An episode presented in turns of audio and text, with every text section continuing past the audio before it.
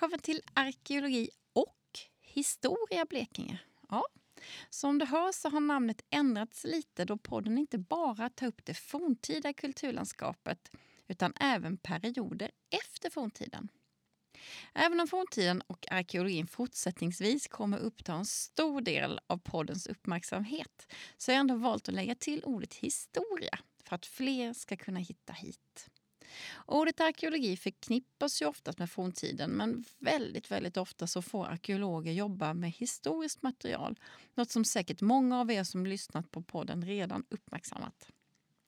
Under vintern kommer podden fortsätta att släppa avsnitt och detta vill jag säga är enbart möjligt genom ett tätt samarbete med och framförallt bidrag från Länsstyrelsen i Blekinge. Något som jag är väldigt, väldigt tacksam över. Dels för att podden inte kan fortsätta i den här formen utan ekonomiskt stöd. Men även för att jag tycker att vår gemensamma historia den ska vara gratis och tillgänglig för alla som vill hänga med ut i länet och lära sig mer. Som sagt, i vinter lämnar vi till viss del arkeologiska utgrävningar och utomhuslivet och i just det här avsnittet kommer vi att gå inomhus. Jag har fått lite önskningar nämligen att podda om kyrkor i Blekinge och har därför besökt en handfull kyrkor från olika delar av länet. Och I detta avsnittet besöker vi den första kyrkan. Jag åkte dit tillsammans med bebyggelseantikvarie Ivar Vänster från Ankdammen Konsult i Karlskrona och nästan så långt västerut i Blekinge som det går. Där besökte vi Sankta Gertrud. En kyrka som tillhör Mjällby församling och ligger i Ysane på Listerlandet. Och där får vi både bekanta oss med Nils Håkansson, munktegel och se en fantastisk kyrkogård.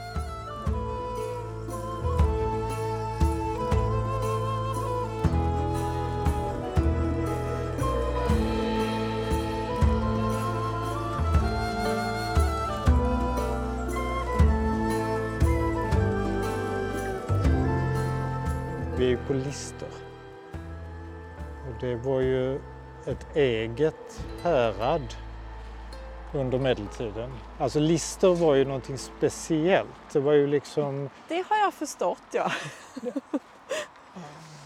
så, så, eh, och riktigt varför det var eget. För det tillhörde inte Skåne och det tillhörde inte riktigt Blekinge heller. Utan det var...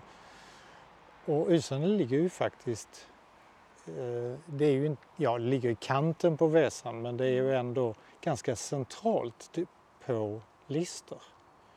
Ja det är det kanske ja. Ehm, ja. Och där den gamla riksvägen gick över Listerlandet. Mm. Så det är här. Och det enda jag har till min av den här kyrkan det är att jag har tagit en kaffe ute på parkeringen. Men du, vi kommer in på kyrkogården och jag, jag tror aldrig jag har sett en så mulsig kyrkogård. Vad fint! Den är jättefin. Det är jättehöga vad tujor är det av olika... Wow!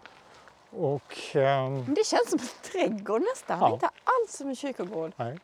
Den här har fortfarande bibehållit uh, alla sina gravkvarter. Det är grusgravar och ah. grusgångar. Ja, lite stensättningar här och var. Den har buxbom. Um, som har överlevt? Eller? Som, ja, på sina ställen. Den är nog, eh, men man nyplanterar här. Oh. Eh, oh, wow! Väldigt få gravstenar är bortplockade. Nu är vi på den gamla kyrkogården. Mm. Um, så den är, ja den är häftig och den har ju också den där ganska häftiga kyrkogårdsmuren med de här hällarna. Skiffer, ja, skiffer vet jag inte om det är men kraftiga hällarna. Den, den, är ju säkert inte medeltida men, men den är nog, har lite ålder ändå. Mm. Mm. Du, vi står ju intill Ysane kyrka, säger man så? Mm. Och vi ska besöka lite kyrkor. Mm. Du och jag du, och några andra. Du, vi, ska, vi, vi ska försöka eh, se lite, lite udda kyrkor som kanske mm. normalt sett inte är de där Guy Michelin-kyrkorna mm. utan kyrkor som på något sätt har någon sån där lågmäld historia mm. eh, kring sig. Precis. Och jag mm. frågade dig så här, och då sa du Ysarne sa du då. Varför det? Ysarna är speciellt därför att dels finns här ju medeltida eller senmedeltida målningar. Mm.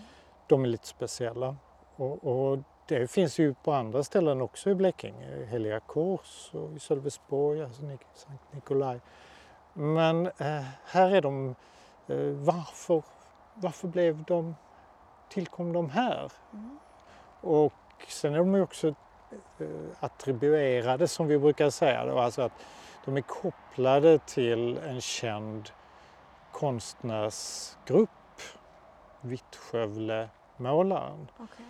Eh, vi vet inte riktigt om det var en person eller det var en stor grupp av eh, eh, dekoratörer eller målare, konstnärer. Så det, men sen finns det ju andra orsaker också till varför man vill komma hit. Den här kyrkan är ju helgad åt Sankt Gertrud.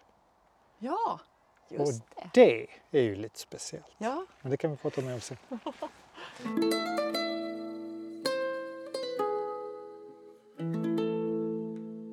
Alltså själva, själva den kyrkan vi ser idag i huvudsak, det är ju en sån här nyklassisk kyrka som vi har över hela landet. Mm. Det vill säga kyrkor som byggdes ja, från 1790 och fram till ja, mitten på 1800-talet. Ja, det byggs ju även senare, men, men alla de är ju liksom uppförda enligt någon slags nyklassisk regel. Torn och sen så är det liksom en kyrksal eller ett långhus och bänkar väldigt i kvarter och sådär. Det, det är ju liksom, och det handlar ju om naturligtvis att eh, vi i Sverige har en folkökning eh, i mitten på 1700-talet Mm. som plötsligt liksom inte fick plats i de medeltida kyrkorna längre. Nej. En del byggde man till med olika korsarmar och läktare och sådär. Men hörbarheten och man kunde inte se vad som hände liksom i, i de där. Så därför eh, var det ett, ett, eh, liksom en, en del av både statens eller kronans eller kungens men också kyrkans, den svenska statskyrkans eh, idé om att man skulle bygga nya kyrkor. Eh, och man, lite grann brukar man koppla detta till biskopen i Växjö, Tegnér. Okej. Eh, som, som man, man kallar dem för Tegnérlador. För de blev liksom sådär, det var vita lador som Ja, låg över, på, på landsbygden. Och eh, här är ju Karl XV som eh, har sitt namnskiffer ovanför eh, entrén.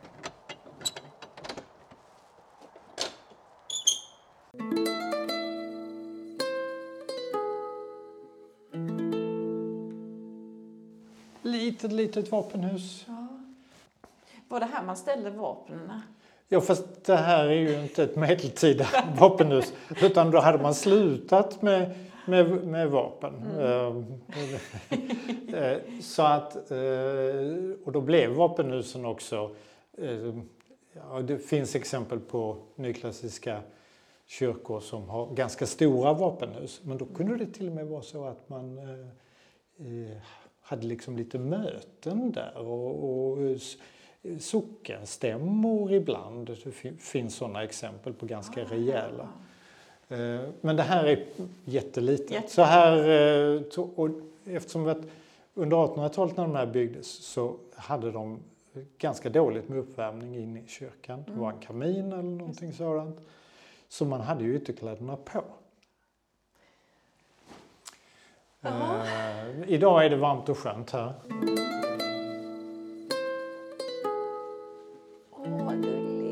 Den är väldigt, väldigt rar. Hur gammal, hur gammal exakt är kyrkan nu? Vet inte. Eh, 1300-tal brukar man eh, nämna. Och det som vi då eh, som är kvar av 1300-talet det är egentligen bara den här främre delen, det vill säga det som är eh, kryssvalvet här framme. I, det här kan man ju också prata jättemycket om när det gäller valvslagningsprincip. För det här är ett tunnvalv över själva långhuset. Eh, Men det är ju trä. Det är ju Ja. takstol, trätakstolar, så det är brädor i det här. Ja, det går som en Ja, ett, rom, som ett- ett romerskt valv kan man säga. bara trä, Ja. vitmålat.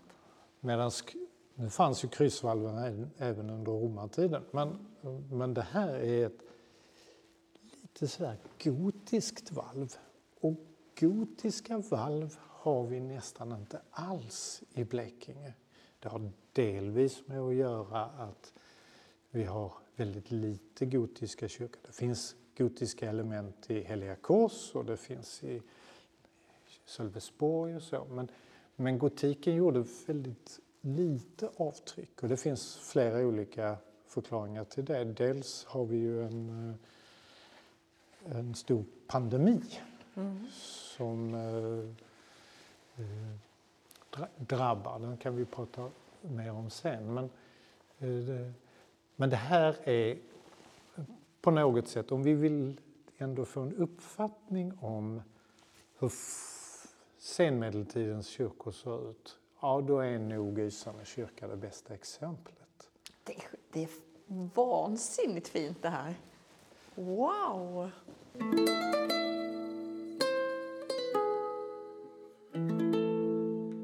Det här måste ju beskrivas på något vis.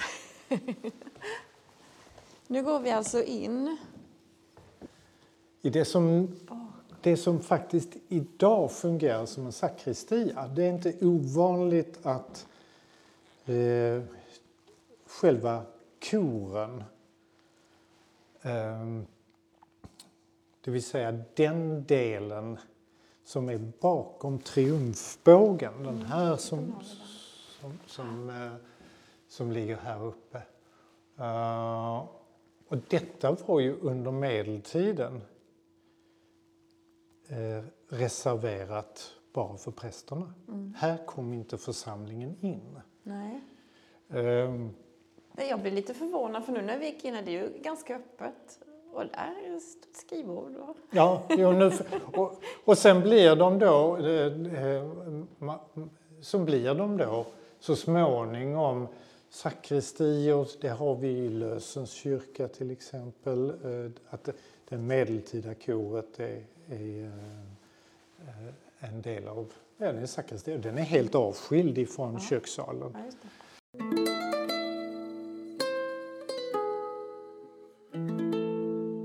det. Eh, det medeltida långhuset är, ja, det kan finnas inne i murarna här. Ja. Det vet vi inte, antingen på den ena eller andra sidan. Antagligen så var det inte så långt och, och själva tornet fanns ju naturligtvis inte då. Utan, eh, eh, så man har ju förstorat kyrkan under, mm. eh, under 1800-talet. Och av de medeltida eh, inventarierna finns det ju faktiskt ingenting kvar. Mm. Eh, här är predikstol och altare och det är betydligt senare. Eh, alltså tillkommet under reformat eller en, en luthersk eh, period. Så det enda vi har kvar eh, det är ju de här målningarna.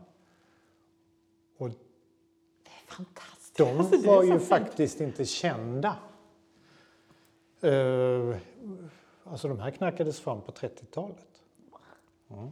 Wow! Va, hur såg det ut innan då? Antagligen vitmålat. Har de bara målat över? Ja, det är, ju, det, det är ju inte, det är inte så ovanligt. Och det här, det här hänger samman. Det, det där är en jättespännande sak. För det är inte så att, att i, i samband med reformationen att man målade över dem. Men man hade dem kvar. Och man till och med fortsatt traditionen med målade kyrkointeriörer. Det, alltså under 1500-talet. Utan det är under 1700 och 1800-talet man målar över dem. Och varför fick man för sig det? Då måste man förstå varför de, hur de här fungerade en gång på medeltiden. Mm.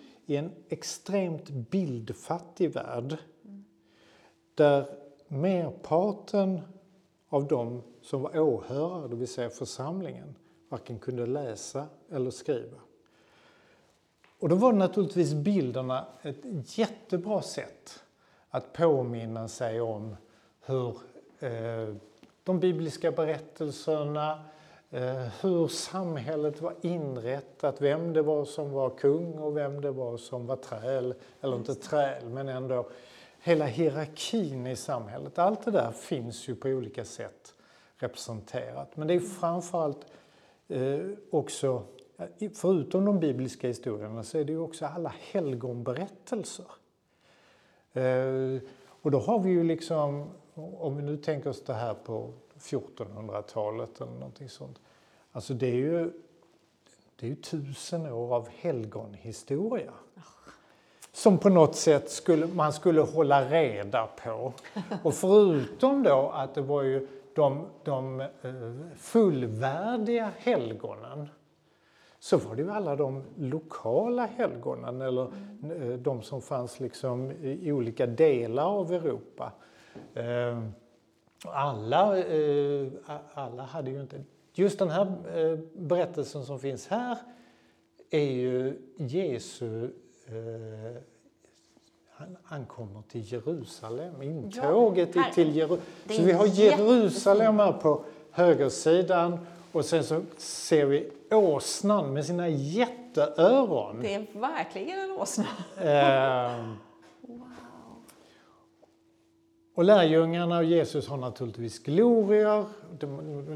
Det, här är ett sätt liksom i de här bildframställningarna att tala om att det här är de här viktiga personerna mm. eh, i sammanhanget. Och vi har det faktiskt också upp i medaljongerna. Det finns en medaljong där av en kvinna eh, och hon har ingen gloria. Medan där. där har vi glorior.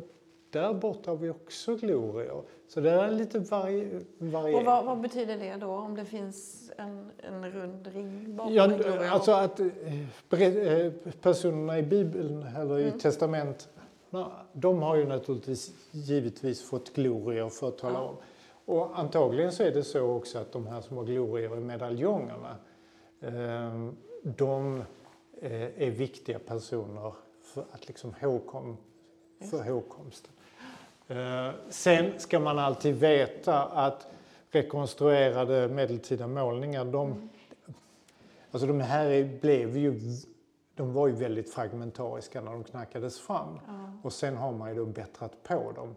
Och det kan ju vara så att man har missat något i, mm. i sammanhanget.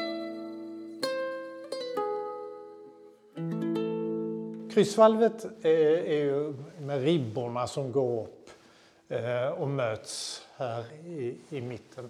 Eh, det är liksom det är typiskt liksom det gotikens sätt att arbeta. Knippepelarna som vi har här, alltså det är många små som, som liksom buntas ja, ihop och så går de åt olika håll. De liksom växer upp som en plym. Mm. För att sen då mötas. Det här är ju tekniskt sett väldigt komplicerat att göra. Och det är svårt att förklara hur det ser ut. Vi kan väl, vi kan väl prata om att det, det, det är inte sådär jättemånga färger. Nej. Det är rött och svart, det är ju liksom de huvudsakliga mm. kulörerna. Och så är väldigt matta färger, ja. sandiga. Liksom. Så var de ju naturligtvis inte när de var nygjorda. Nej. De var heltäckande, de var inte de här laserande för det är så tunna färgskikt. Det här är ju kalk i huvudsak. Det är väldigt enkla pigment. Röda är eh, antagligen järnoxider mm. som var ganska lättillgängliga. Det svarta kan vara kol. Det kan också vara, något, kan också vara några andra. Sen kan man ana att det är lite grönt i det här. Här kan man se liksom... Ja, där ser man på hans kläder. Ja. Eh, så väldigt många fler kulörer är det inte. Sen, Sen är det ju liksom de här figurframställningarna. Men det som jag också tycker är så intressant här, det är ju allt det andra. Alla de här zigzagmönstren. De här, ja, det är mycket. Det här liksom, vad är det, voluter och, de här zebrarandiga eh, eh, varianten. Sen är det en blandning av, det här är ju vilddjur. Sen har vi ju, ska vi se, var har vi den nu? Där har vi ju något odjur. Ser du det? Ja, oj, det sticker in som liksom, Med tänder som, som liksom försöker... Eh, och, Men och, mm. vad, använd, vad, alltså, vad använder man de här bilderna till då? Vad, liksom, berättar man utifrån dem? Eller vad vet man? Jag tror att det handlar om att församlingen visste vad det var för berättelser som mm. fanns på, i deras kyrka. Så de blev påminda varje gång. Ja. Och sen naturligtvis inför påsken så var ju det här liksom en, en given eh, berättelse i, i testamentsläsningarna. Och så. Då ska man ju veta att mässan, den medeltida mässan var ju på latin också. Oh, just Så det hjälpte ju inte. Sen, sen har det diskuterats väldigt mycket om hur mycket och när började, alltså kanske, kanske, så började man redan att använda folkspråket redan innan reformation. Mm. I kanske en del av mässan eller i, i ett, ett, sätt att liksom ha en bibelkunskap.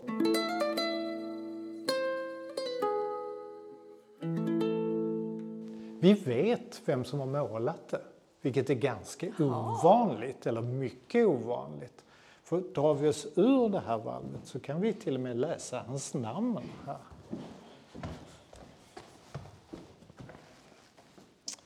På latin då, och nu är mitt latin väldigt, väldigt... Eh, men Nils Håkansson, han målar den här 1450. Och då står det så här faktiskt, där ska stå 1450. Och så Nils Håkansson, eller... Och sen avslutas det faktiskt med Bed för mig. Jo, jag tänkte säga att, att han som har fått måla, man ja. hade ju kunnat tänka sig att det skulle stå, stå massa andra om ja, Gud det, eller något men det, det här måste ju varit liksom världens bästa reklam. För, för, för, eh, han går under namnet Vittskövlemålaren.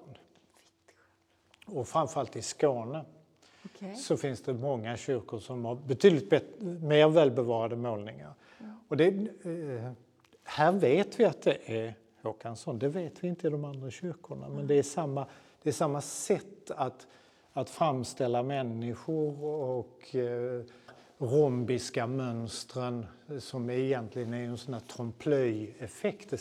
De har ju sån här tredimensionell ja, effekt. De, det, det framgår inte riktigt idag längre för de är så bleka.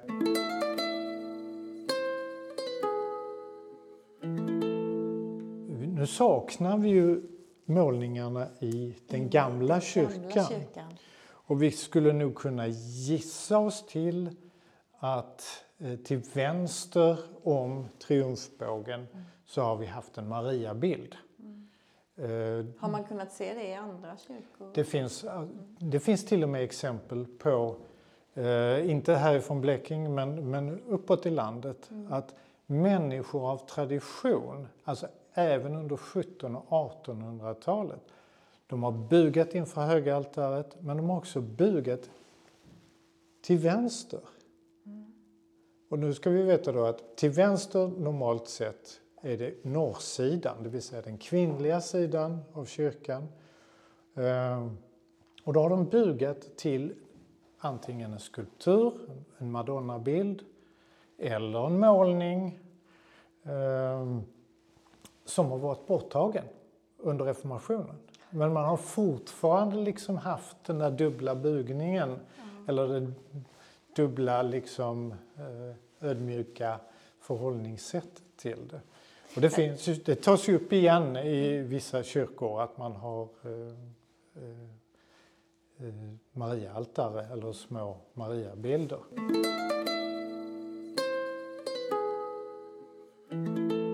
Men då, på tal om kvinna, Sankt Gertrud? Ja. Sankta säger man va? Sankta är det ju. Mm. Hon var... Eh, hon var eh, nunna. Eh, och det som kanske är viktigt, hon var väldigt populär. Vem var väldigt, hon först? Alltså, ja, hon var abbedissa, en belgisk abbedissa, kom från en förmögen släkt, eh, inflytelserik släkt. Eh, och hennes, om det var hennes systrar som också var abbedissor eller... Alltså det fanns en...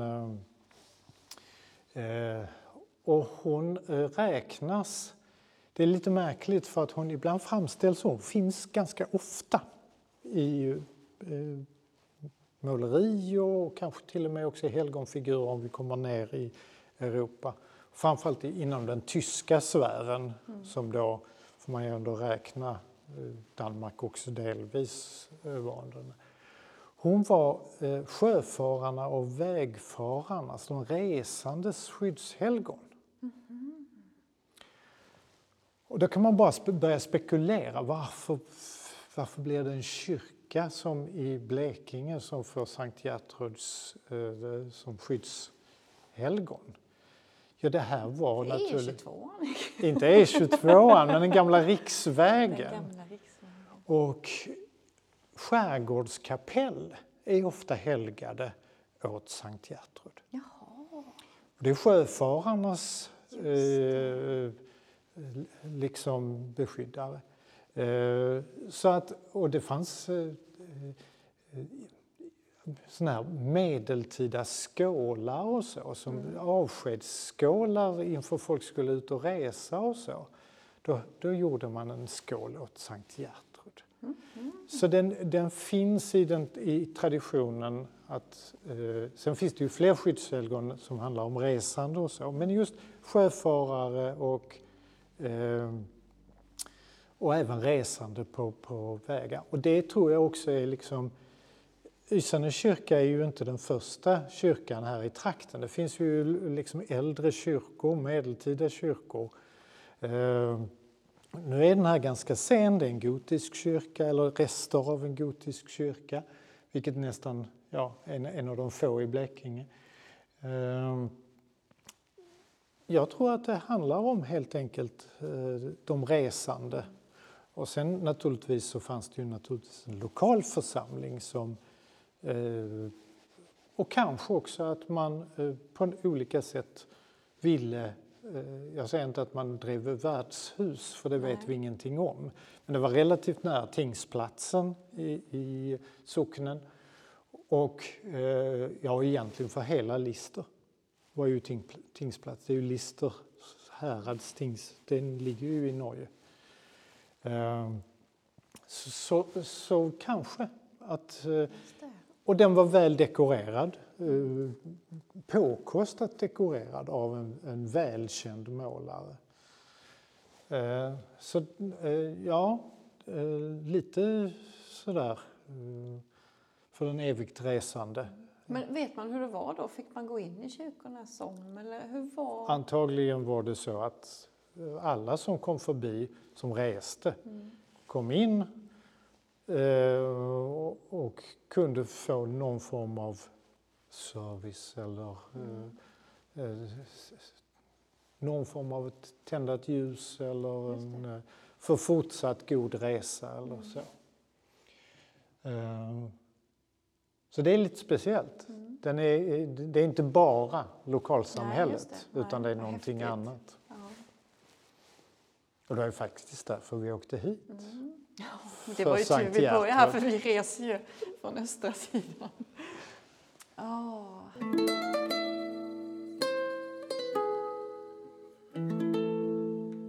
Alltså det, det, är som en liten tidsresa känns det som när man kommer in här. Den här. Ja. Men om den här kyrkan, om man bara skulle säga, om, om jag frågar sig, hur gammal är kyrkan? Vad säger du då? ja, den är några hundra år. Nej, men den, det, alltså... det, det, är en plats där vi vet att, att det har funnits eh, en kyrka sedan 1300-talet. Mm. Eh, så det är ju en, det är 700 år. Det är helt galet hur ja. länge. Ja, det känns ju... Yeah. Och, och, och sen naturligtvis så har ju den nya kyrkan som byggdes på 1850-talet, den har ju, hade ju sin fräschör och sin mm. tid. Och då var det ju det här överkalkat. Så det är först ja, när man plockar fram... Var det, men det var det vitt? Alltså var det så att allting var helt vitt rakt in? Här? Det är ju grå, gråvitt i... Vi har en grej till vi ska titta på. Ja, det ska vi.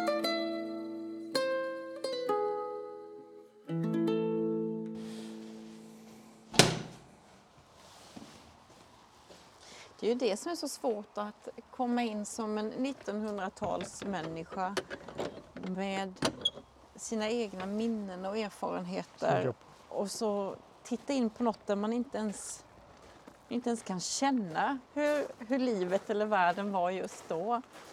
Nej. Det är märkligt. Ehm, alltså det, vi vet ju så oerhört lite också om eh, hur inredningen såg ut i de medeltida kyrkorna. Ja. Alltså allt som var dekorerat och målat och fixat och så. Det finns ju kvar på Historiska museet i Lu- Stockholm och Lund och, och så. Ehm, men hur såg kyrksalen ut? Ja. Ja, antagligen var det, det fanns nog några lösa bänkar. För, eh, men, men det är också så, alltså det, vi tänker oss högmässa, den är en Ja, timme lång. Ja, ja, det, så var det ju inte. Utan, Nej. Men det här är lite häftigt. För det här är ett munktegeltak. Oh. Det enda som egentligen finns ursprungliga som finns kvar. Och hur gammalt? Medeltid. Men inte tak, tak, tak, taket. Alltså, det måste väl vara ett omgjort? Och där kan man ju säga att man har lagt nytt Ja. eh, och det är nytillverkat där. Men det är nog så att eh, några enstaka sådana här tegel finns det från Heliga Kors. Ja. För hela Heliga Kors har haft den här Wow. typen av tak. Vad, är det som är så speciellt med det? Jo, alltså det är ju en, det är den första takpannan. Mm. Det finns lite andra varianter också men, men eh, munktegel anses kopplas till naturligtvis klostren och klosterkyrkorna, katedralerna, eh, i alla fall i, i tegelområdet, alltså Nord, Nordtyskland, eh, Östersjö. Eh, men de f- finns, den här typen av tegel finns i, runt Medelhavet också. Så att det är inte, och det är egentligen, det där ska man ju inte man pratar om en munk och en nunna och så läggs de på ett speciellt sätt. Men det är ju, Är det munken här vi ser här nu med den näsan som sticker ut? ja, fast det, man, man säger då att det är munktegel. De har ju en sån där, eh, eh, de, de här hakarna eller eh, klacken som sticker fram, det är också den som läggs för att den undre pannan ska haka fast. Ja, ja, ja, så att de ser likadana ut. Ja. Ja. precis. Så det egentligen om Ja, man ja. pratar om munk, munktegel och, och eh, sen är de ju kilformade så de ska ju på något sätt eh, låsa sig själv. Men det, det. men det är jättehäftigt. Men vad fina de är. Alltså vad fint. Vilket mönster det blir på håll också. liksom, Både med den här eh, klacken och det. Otroligt fina.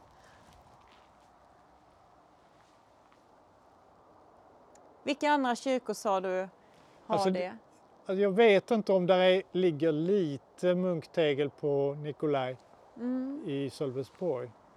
vad häftigt. Är det på den andra sidan också? Nej, Här? Det är bara, Det är bara det är bara detta lilla. Wow! Här ligger vanligt enkelt tegel. Mm. Men så denna delen längst ut här nu. Mm. Den, det är säga, original eller vad ska Ja, säga. det är, det är rester från en Och sen en jätte, jättemysig kyrkogård. Jag gillar eh, Asarums kyrkogård också. Den är gigantisk. Den är liksom som en sån, det är som att komma in i en sån som någon sal av något slag. Och den bara fortsätter och fortsätter. Eh, överhuvudtaget, Asarum skulle kunna vara en sån där plats